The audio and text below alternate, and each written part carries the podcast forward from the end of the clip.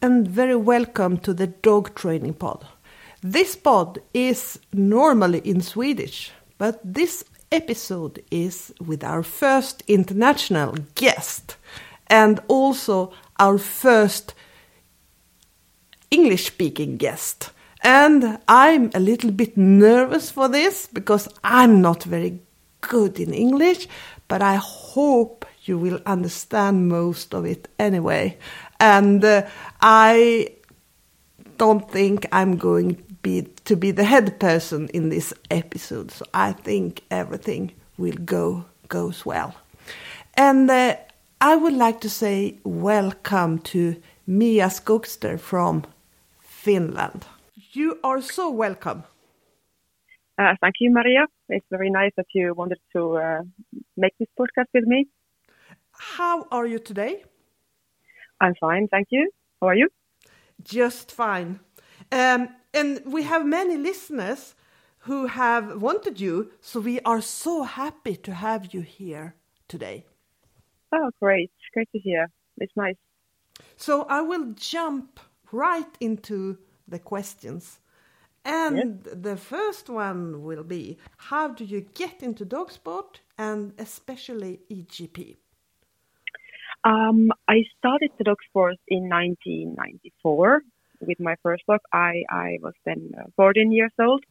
And the first sport was um, actually agility uh, when I started with him. Uh, but uh, in that time, there was not that much knowledge about how to train like Belgian shepherds in agility. And so my dog got like way out of control, like too active, too hectic, and the training wasn't fun anymore because I couldn't control him. That's really funny. And um, then I started to look look around uh, working dog clubs, and I found um, eventually a, a club where we were welcome and we started to do search and rescue, or not like rescue, but the same what you have in Swedish called sök. Yes. So we have the same obedience and IGP, and then we have this searching people and and articles uh, from the forest. We also started then to do some bite work with my with my Tervuren, but it was from showlines, so he was much more talented for searching. So uh, that's how I started first. Uh, he became a working champion in this uh, searching sport, and uh, then my next dog was from working lines, and then we will then we continued uh, in IGP. Yeah, yeah. So your first dog was also a Belgian Shepherd. Yeah, it, it was a Tervuren. Yeah. So yeah. yeah. Yeah. And and that's sometimes not the easiest dog to start with, I I guess. Uh, I, I think he was a really nice dog, very social, very um, very um, lively dog and uh, actually really really nice dog to get as a first dog. But um, but of course um, because it was uh, from the showline, so it was not not that talented for IGP. But I think it was the best possible dog I could have as my first dog. Yeah, yeah. And when um, was it? Uh, was it an easy choice to to choose uh, Malinois, Malinois after that, or do, was was you thinking about other breeds too? Um, yeah, I think um, I, I, I was uh, first thinking of buying a working line Tervuren, but then uh, I was talking with some of my friends, and they asked me if the uh, the beauty of the dog doesn't matter to me. Why would I like to have a Tervuren? Why it matters for me that the dog has long hair? So then I was processing this and then I decided to, to go for Malinois because it actually didn't matter to me anymore if the dog has long hair or, or short hair. But yeah, I, I think, uh, then, then I wanted to go for Malinois. Uh, but when I, when I was choosing my first dog, I actually wanted to have a German Shepherd. Yeah. But my parents didn't want to have a German Shepherd. So they didn't know anything about Belgian Shepherds. And so I lied to them that they are way much more easier and way much more smaller. and, and, that that's why that's why I ended up with a Belgian Shepherd. Yeah, yeah. Um, what dogs do you have today? I have a one Malinois male who is now 11 months old. He's called Mahi. So yeah. that's that's the dog what I have at the moment. Ah, ah, so you only have one? Yeah, I only have one dog. Yeah, yeah. Uh, that's enough anyway. But um, uh, many uh, dog people has uh, many dogs. I think. Yeah, yeah. I, I think it's uh, for, for, me it's a little bit um, uh, hard to find time for, for many dogs. So I prefer usually have just the one dog or perhaps two dogs when the when the one dog gets older. Yeah. So th- then then it's another of course option to have like two dogs, but that's like maximum what I would like to have personally because I have also children and family and uh, a lot of work and so yeah yeah not so much time. Uh, will you tell me a little bit about your training philosophy? Um, yeah. So um, if I would uh, put some characteristics, I would say it's a lot about emotional communication with the dog. So I think that, if, of course, it's based on science, so how the dog learns. So, um, so I, am not a a big fan of Skinner. I, I understand the theories of him, of course, they still apply, but I think we should think a little bit out of Skinner's box, which means that we we have to understand that dog also learns by social learning there's a lot of moral learning that science nowadays have proven that dogs have emotions and we can mirror our emotions to the dog. And, um, and so I, I would say that, um, my, my method is, is based on, of course, the science. It's also about emotional communication. It's about, um, of course, a lot of systematic training and, and, uh, it's a lot of acting to the dog. So so it's like um, like actors uh, are, are doing. So we can also fake the emotions to the dog. Yeah, yeah. So so you are much much into the emotions when you do the training. Yes. Yeah, yeah. Do you think it's possible to raise a dog by just rewarding the right behavior? Uh, no, I really believe that even uh, and although, um, of course, the dog training is is uh, is based on reinforcing and rewarding the dog from the right behaviors. I believe in feedback, so we must give a lot of positive feedback, but we also have to give uh, the feedback when the dog does something wrong. Feedback is not the same than punishment. Feedback is it can be just like we are guiding. It's like uh, in any learning process. If we go to working place or we are raising children, they need guidance, that we help them. And um, when we, for example, have uh, dogs who are very impulsive or different learners in, in, the, in the in the dogs, uh, we, we with some dogs we have to help them more than the others. So that's why I believe also that feedback is very important. And the second thing is that I believe that the, the best obedience is done in the flow state. And when we think about the flow state, uh, it means that um, to get to the flow state, it needs to get very clear feedback and and high arousal level and uh, and there must be challenges and the dog must go, overcome the challenges that it's even possible to ever reach the flow state. It's also with humans in, in this way. And, and thus I believe that we, we need it also with dogs. Yeah, yeah. And if um, if people want to know even more about this, yeah, you, you, they can uh, read a lot about it on your site. It's I think uh, what what is your address to your site? Um, yeah, I have this uh, inspiredog.com. Uh, we have made a flow lecture there, and also I'm, um, I'm I have written a book which is coming out in Finnish language in the spring and there I also try to um, explain this uh, whole uh, philosophy about dog training and uh, and, and and this uh, how to reach the flow state and and, yeah. and all this uh, feedback uh, idea. Yeah, yeah. I was just looking at your lesson about the flow training, and I think it was very interesting. Yeah, thank yeah. you. Yeah. So so um, then people can find it if they want to to know even more about it. I think. Yes. I, yeah, I think it's very. Um, I think the philosophy is quite uh, comprehensively explained in, in, this lecture. Yeah. Yes, it really is. Uh, when do you start to train your puppies in obedience tracking and and bite work?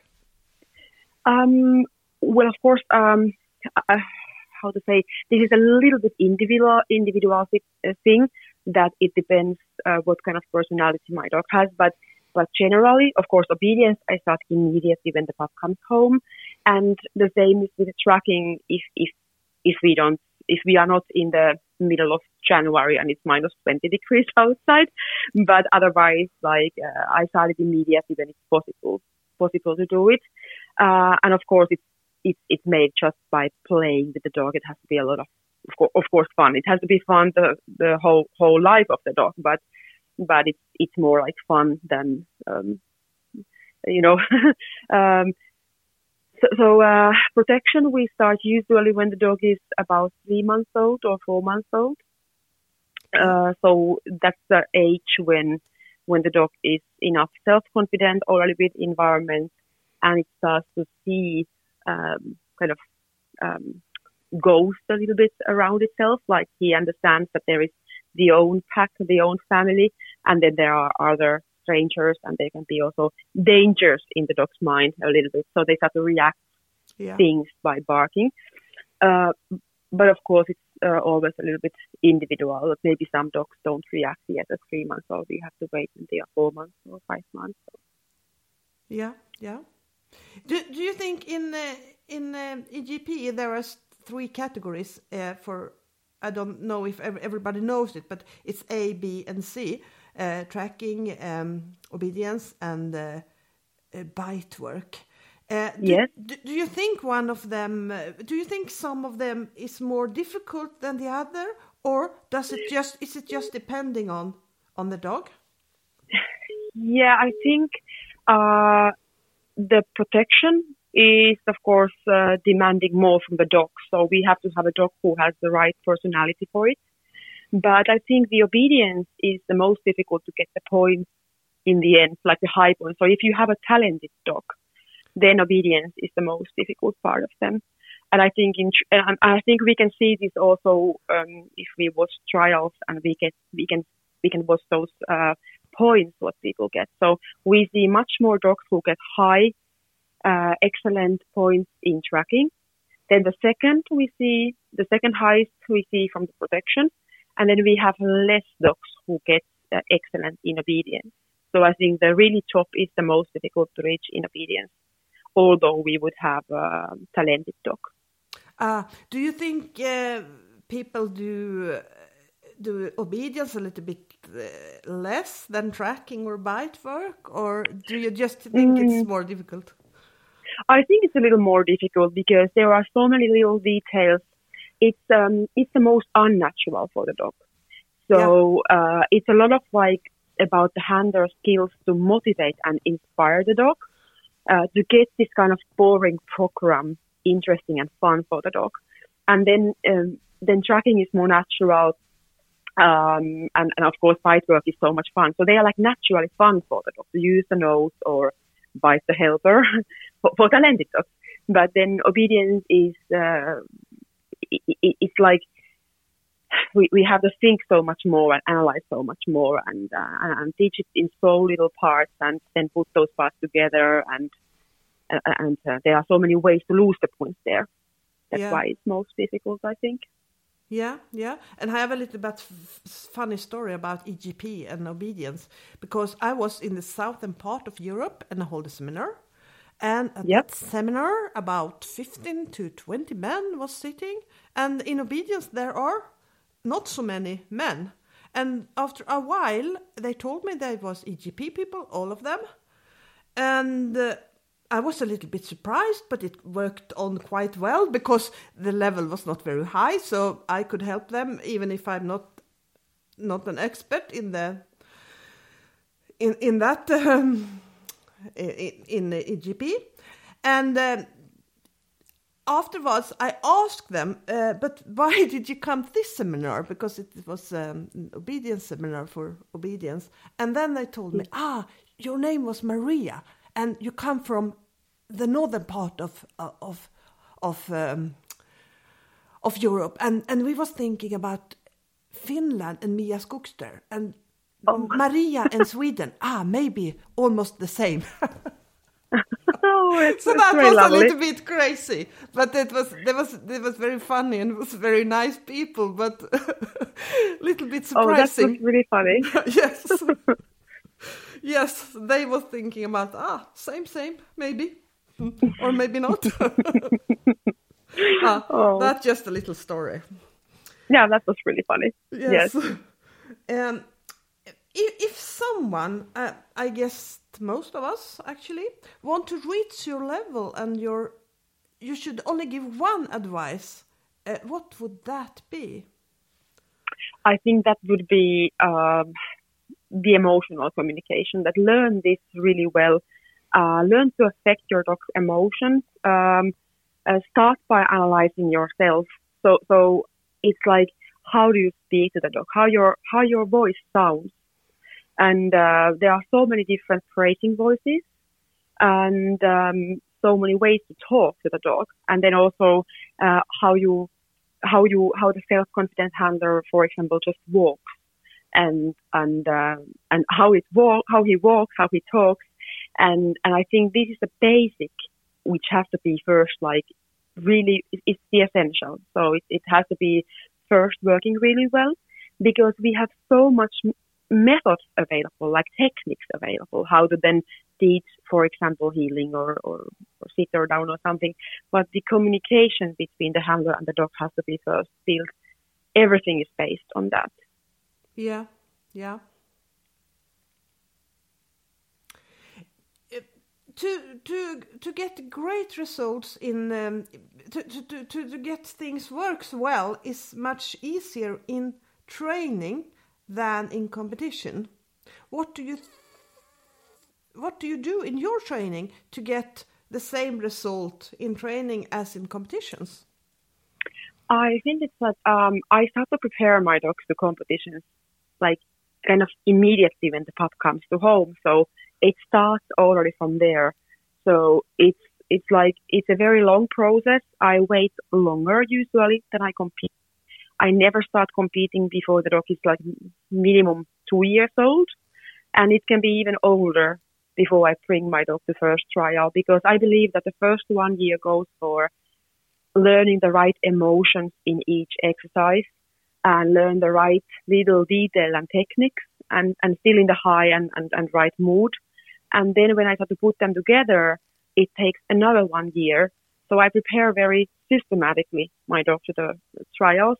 And then the next half year usually goes when I introduce all different kind of places to my dogs and I, I have to raise the arousal level a bit higher. It has to be high enough, not, not, not the dog gets like nervous. It has to be still in the positive state of like uh, emotional um, state must be very positive. But I raise the arousal level also like enough high because that's needed for the flow state. And then I bring my dog the trials. And I think that many people, what I see at least here in my country, and I think also when I see a little bit generally everywhere in the world, is that they bring their dogs like to the trials when the dog has just learned like exercises, but they haven't yet learned to like uh, stay in like the stay enough self confident when not get rewarded or or enough energetic, and, and then the dog gets disappointed in the trials. And when you compete more, then of course it's more obvious that the dog gets like disappointed when there comes no reward. Yeah, yeah. Uh, do you do you compete uh, much or do you compete little? Little. I think I go only for important trials. Yeah, and I try to look also a little bit like what kind of dog I have. I have very usually uh, how to say highly motivated dogs who have good energy level, Mm, but I think um, let let's say that if people compete in other sports than IGP, if they if they compete like natu- like like a national circ or uh, sport or what what you have in Sweden or in Finland, they can they can have for example a rough collie or they can have a Labrador. And and I think especially with this kind of dog breed, you have to be more, um, you have to compete a bit, even a bit lesser because they, they cannot have that energy level like so so long time up. yeah, So, Yeah. so it's individual, but I, I, I prefer lesser yeah. competitions and more training. Yeah, yeah. It, do you think this is funny part of the training, preparing the dogs for competition? You know, I think all, all parts are very funny, so I, I think it's, it's interesting too. But um, we have to make it fun for the dog, otherwise they don't want to stay motivated. Yeah, yeah, that's true. How how do you think and train before a big competition? For example the world championship. How do you train one month before one week before and and the days before? I basically change nothing. So uh, the training must be the competition must look for the dog the same than the training. That's my philosophy also that that it's not uh, differing in the dog's mind when we go to the competitions or when we go to the training field so I try to train very same way, very systematically.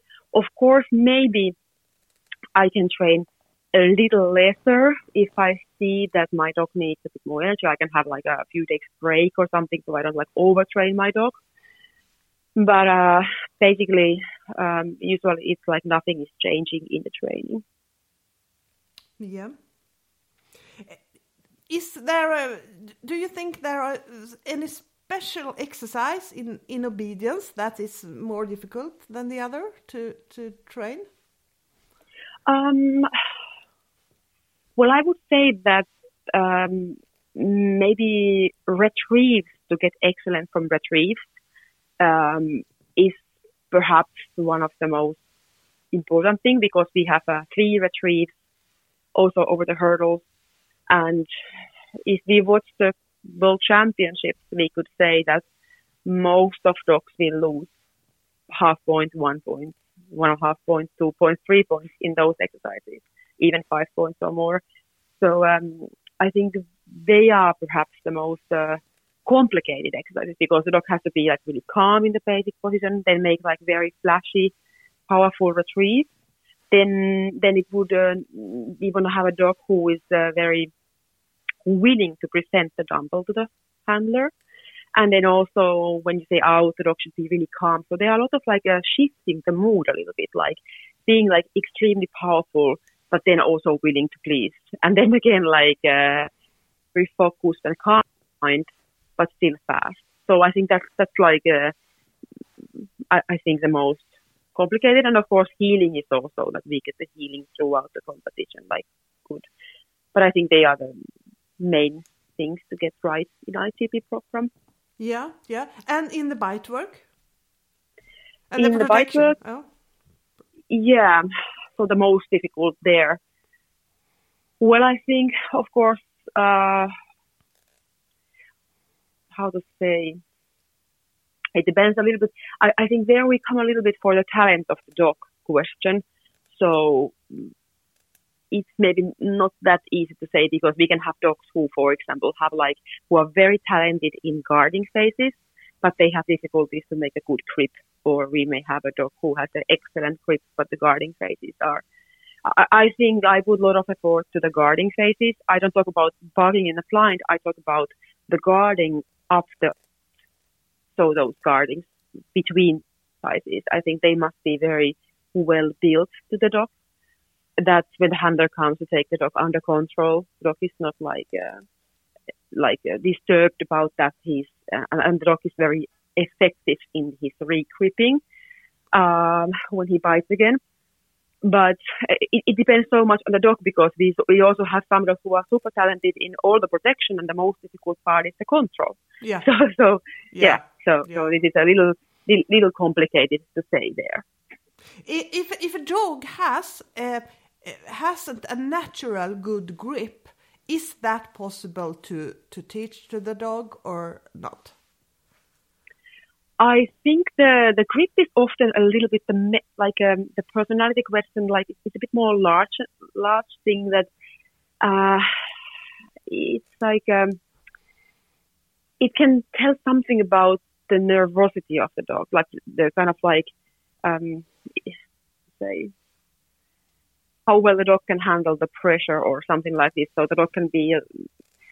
It depends a little bit how how the grip is the problem. If the dog is, for example, he doesn't want to bite with a full grip, then usually it's a question that dog, dog is lacking like like um, self confidence and dominance against the helper. If he wants, if he only wants to bite like half grip, and then another thing is that if we have a dog who bites with a very um, full grip but is hectic in the grip, it can be that the dog is like, if it's very hectic, it can be that the dog is so nervous and stressed that it is very difficult to change it.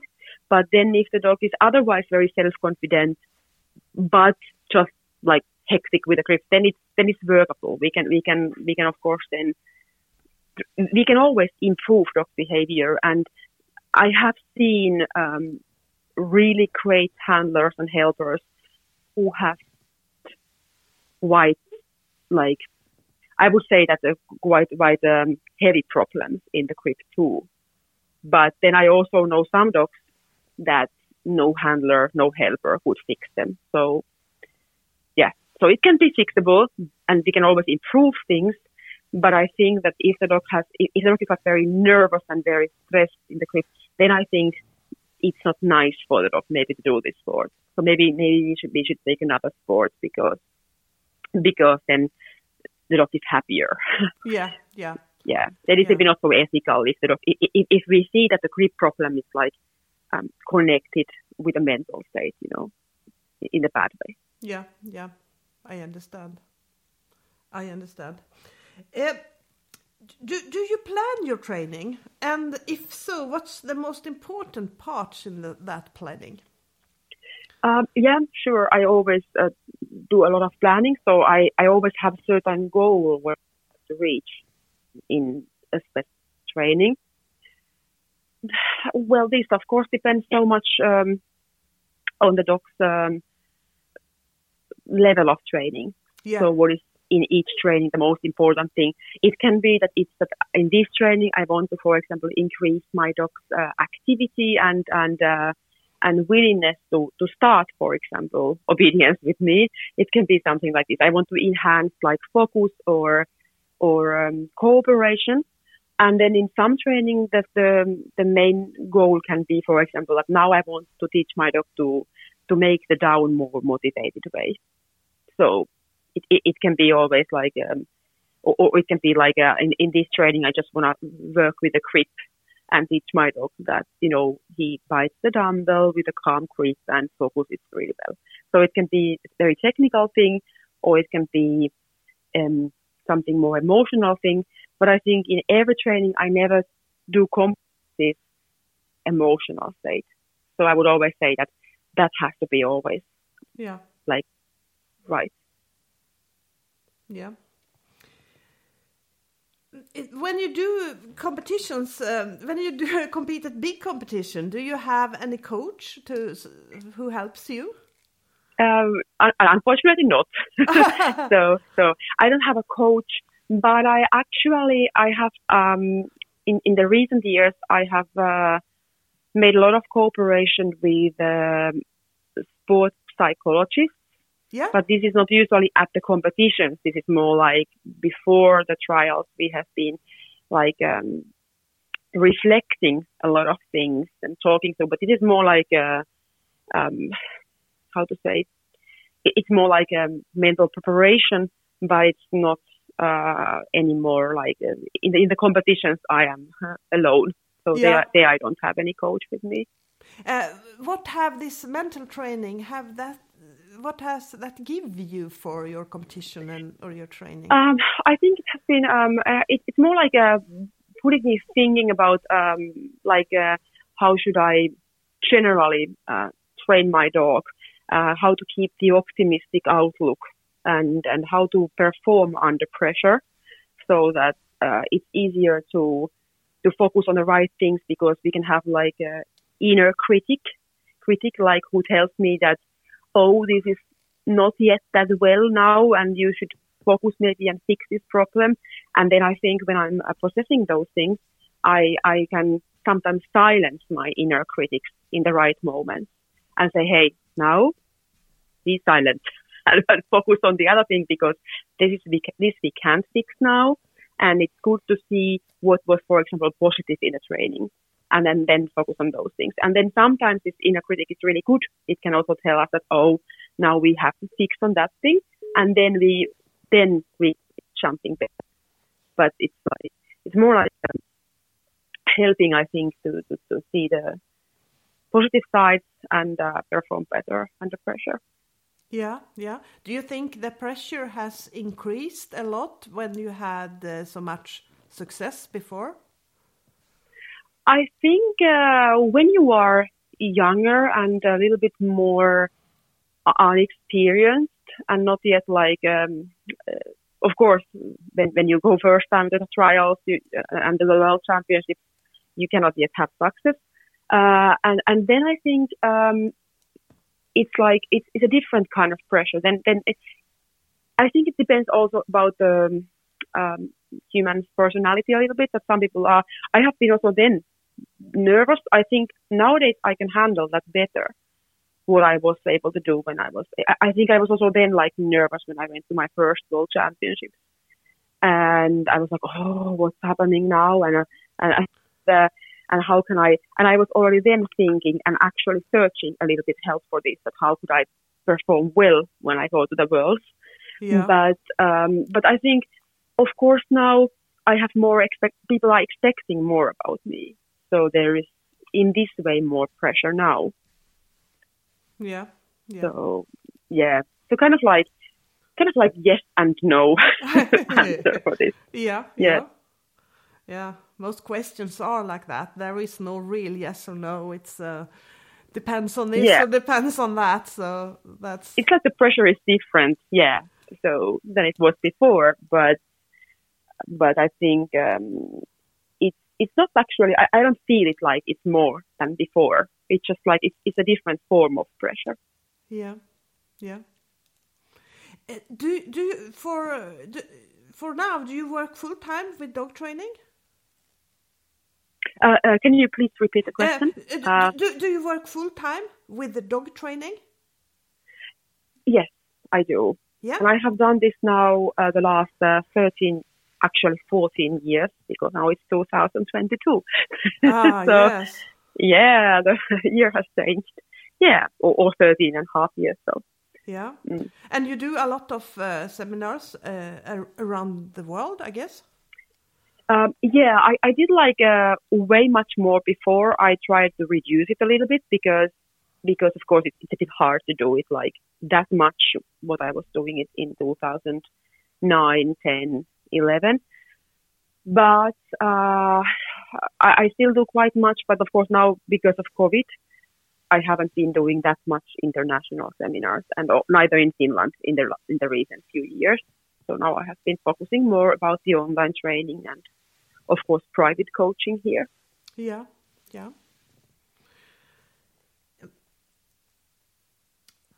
What do you think is the biggest potential for improvement in dog training? I maybe sound now so so boring when I'm like repeating myself because I'm saying that I think the biggest thing there is this is really this emotional communication because we have so much method available at the moment. We can watch social media videos, we can read books, we can um, we can actually have a lot of information available, but still people are struggling to implement them in their own training and get their dogs working like they wish to. And I think it's all about this emotional communication. If if someone would like to start to work with this emotional uh, more, what would be the very, very first thing you would told these people to start with? I would, I think, I would first start uh, to explain them that how the self-confident person walks, how to walk, how to have the position, how like pausing sequences in your and your walking, so that they are like uh, like a uh, like a right moment done uh, to the dog so that the dog can understand the handler better. I think the pausing is one of the most important there. And then also I would start by like um, listening the sounds uh, and the voices, the intonations uh, of the handlers speak.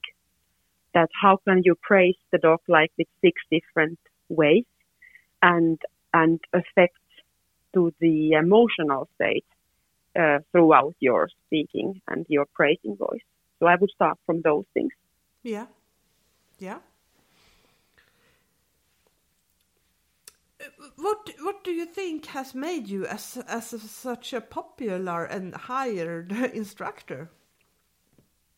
I think it's also the perhaps uh, the emotion. Yeah, so, yeah, yeah. So I think yeah, I, I think that that's perhaps because I just like in Italy a seminar um, in uh, in the last summer, and they were so amazed that I'm from Finland. They said that I I'm I'm talking and speaking with my hands, and I look more like Italian.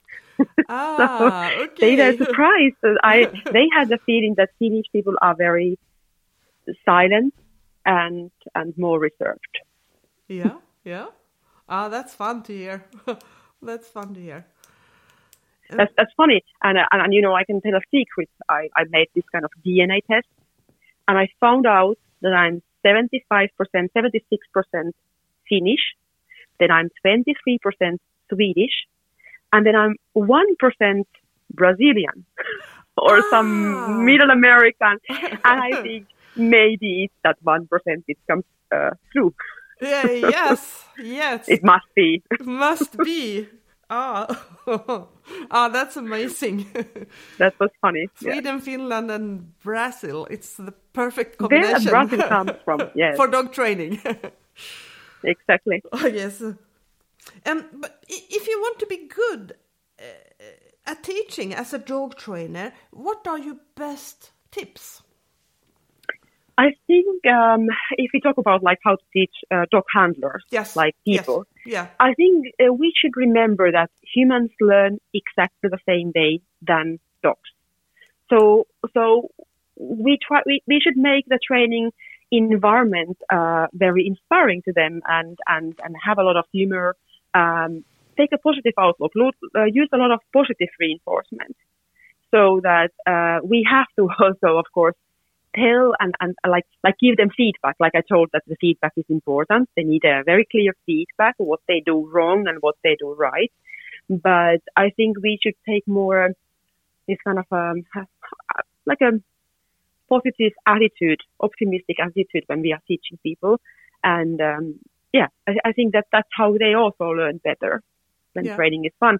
And psychologically safe environment is has been also proven in many researches. It's very um, um, it's the best environment to learn because people can be more creative when they feel that I can I can express myself and try new things uh, without others judging me. So if the training environment is very nice and and mistakes are like it, it's okay to do sometimes mistakes too without somebody is like you know laughing at you or making you like um feeling ridiculous then I think it's much more easier to to um, become a good trainer. Yeah, yeah. Uh, you have recently finished your book. We have talked a little bit about that already, but can you tell us a Yes. little, little bit more about your book? Yeah, I, I think uh, I have been thinking about it for a long time because it, I don't know how it is in Sweden, but in Finland, often tends to think that like dog handling skills are like natural, that some people have it and the other people don't have it. And, and thus you cannot learn it because, you, you know, like they think that, oh, he- she's so natural with animals and dogs and then, then another person isn't and and I don't believe that I wanted to write this book to show that anyone can learn the dog handling skills. And I felt that most of dog books they don't try to explain this. They only um, teach mechanics, techniques to people. That oh, you just tell your dog sit, and then you reinforce the behavior. They kind of like very technical details in most of dog books. And I wanted to like I give a chance for this kind of dog book, book where I try to explain to people what the good dog handling skill, like what it what it is all about, what is emotional communication with the humans and dogs, and uh, how we can improve. So I have split it like when parts start praising voices, how to practice them, how to learn acting, how to learn to create this kind of environment for your training group that you can learn those skills, how to learn uh, different movements, what kind of movements make the dog usually feeling pressure, uh, what kind of movements make the dog feeling more inspired, um, and also explain there that um, how to how to use the pausing, how to have a clear signal for free to free the dog, and and, um, and a lot of things like this in this book. And then of course there is also the the kind of like a how to say um, we call it a bit like a hype or hi- highlighting in the end of the book also for the dog sport people how to get to the flow state and uh, and, and I explain a bit similar things there too, but it's a bit more thoroughly, you know, like like in the flow lecture, that's Yeah. how to reach also the high competition obedience. And what's the secret for that? so this book is uh, is really for all kind of dog trainers. Yes, it's actually made for any dog, like anyone who is interested in learning to become a better dog handler, a better dog owner, because I believe that every dog earns to have an inspiring life and, and a handler and an owner who it can understand. And so in this book, I try to explain, um, you know, my methods how to reach the better relationship with a dog. Yeah. And and the book, But it also fits sport people. yes. Uh, and the book will come in when is it, the it, it's it's coming in April, In and it's coming yeah it's coming first in Finnish language, and we try to translate it also in English, uh, at least, um, but but I think it's um, it's an old process because it's a, it's it's not like it, it- even it's very like a, how to say like a scientific book or or like how to say like a knowledge book, but it's also a lot of like it's written more like in a romance, like uh, in a, I don't know how to say in, in my main word in, in English is not the wrong. It's more like a literature that we need to have a very good translator for it. so ah okay so okay. because it, it, it's a lot of like expressions what I what what I couldn't do in English. So I would need to have a really good translator that that it works and it's because I want to ha- I- want to make a book that is funny. You can cry, you can laugh, and you can learn in that. But but but it but that it can work also in English language. We need to have a really good translator. yeah yeah. That's You, goal. you need you need someone who knows a little bit about your training, maybe. I, I think I think I can do that part, like change those parts then. But I need somebody who is really good in language. yeah, yeah, of course, of course, because that's very, very important. Because uh, if, if you use someone who, who who doesn't do do do do it perfect, it, it will it's hopeless. It's a bit to read boring for- to read. Yeah, yeah, it's hard to read. I has to be like I, I wanted wanted to have something that people can enjoy of it, also in other other languages and other countries. Yeah, yeah. Um, so you have just finished your your work with the book. How does it feel after finish it? Well, actually, we are we are like um, we are still working like with the photos of it and and uh, and, and little details, such just little details there. So it's like um, so even even the script is done, but what we are still working with it. So this is gonna take, I would say, maybe two three weeks more. Yeah, yeah, yeah. But it's, But it feels really good actually. That it has been a really hard process. I have been like writing it days and nights and very less sleeping. So it it feels really great actually now when it's when it's already so long. Like, yeah, it's already like uh, done. yeah yeah. Um, what what are your goals for this year?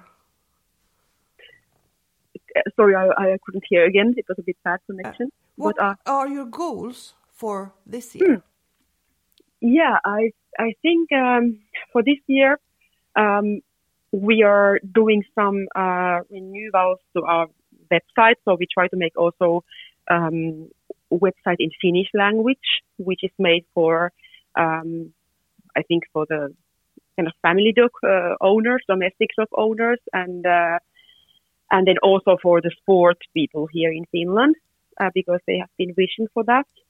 And then, of course, my goals is my goals are to go forward with Mahis training, and I try to make uh, a lot of now. We, we started now uh, the first training in January. He has been in a long break because he was growing.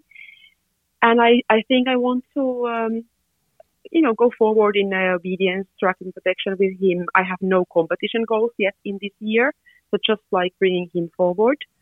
And then, of course, um, improving also the English website, uh, what we have, so make their good lectures. And uh, I think that's pretty much my goal for this year.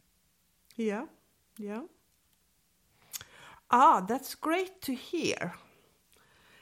Is it, is it something else you want to say or you you think about? Um, well, I think I have been talking so uh, terribly much. Uh, I hope uh, it, it was um, um, interesting, and um, I think, of course, I would like to wish um, all um, Swedish dog handlers and uh, no matter what sports. I think mostly IGP people are listening this, but uh, of course to all sports handlers, uh, a really nice, inspiring year. I hope that the COVID gets now better. The situation is, is a little bit uh, bad now, and we can after that one day come back to the normal normal daily life again, and uh, you can enjoy training your dogs and uh, compete with them. Yes, we have to hope that because it's a little bit bad right now. Yeah, with the COVID, actually. Yeah. Yes, it is. Yeah, we we are maybe soon going to the lockdown. I don't know if we do or not, but it looks quite bad here. It looks like yes, yes. So I would like to thank you very, very, very much for this hot. I think yeah, I think many people would uh, love to hear so yeah, thank you also, Maria. Nice things. Was very, very nice questions and was very um, lovely to talk with you. So, and I also wish you a lot of fun for this, for with your dogs and uh, success to the to your goals. Thank you. Thank you.